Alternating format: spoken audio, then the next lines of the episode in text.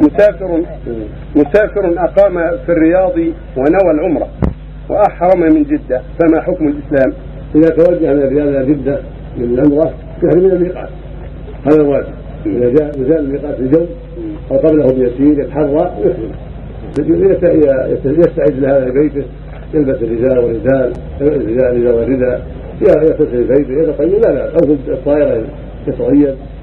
كل ذلك جائز. لكن الإحرام ينوي الدخول في العمرة أو يلبي هذا عند قرب الميقات وعند وزان الميقات يلبي ويقول اللهم لبيك عمرة وينوي بقلبه. هذا هو المشروع هذا الواجب ولا يترك حتى يأتي جدة لا.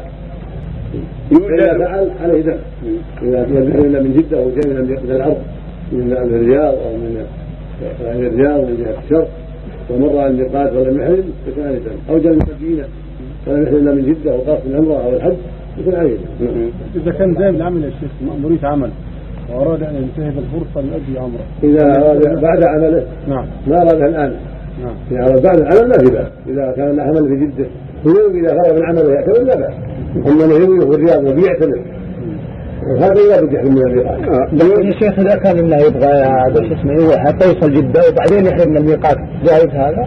هو كان يحرم وبيعود الميقات لا لا يعني هو رايح من الرياض يبي يبي يعتمر. وما احرم في الطيارة يبي يحرم في الميقات. الميقات ما يصلح. الميقات. يمر في الجو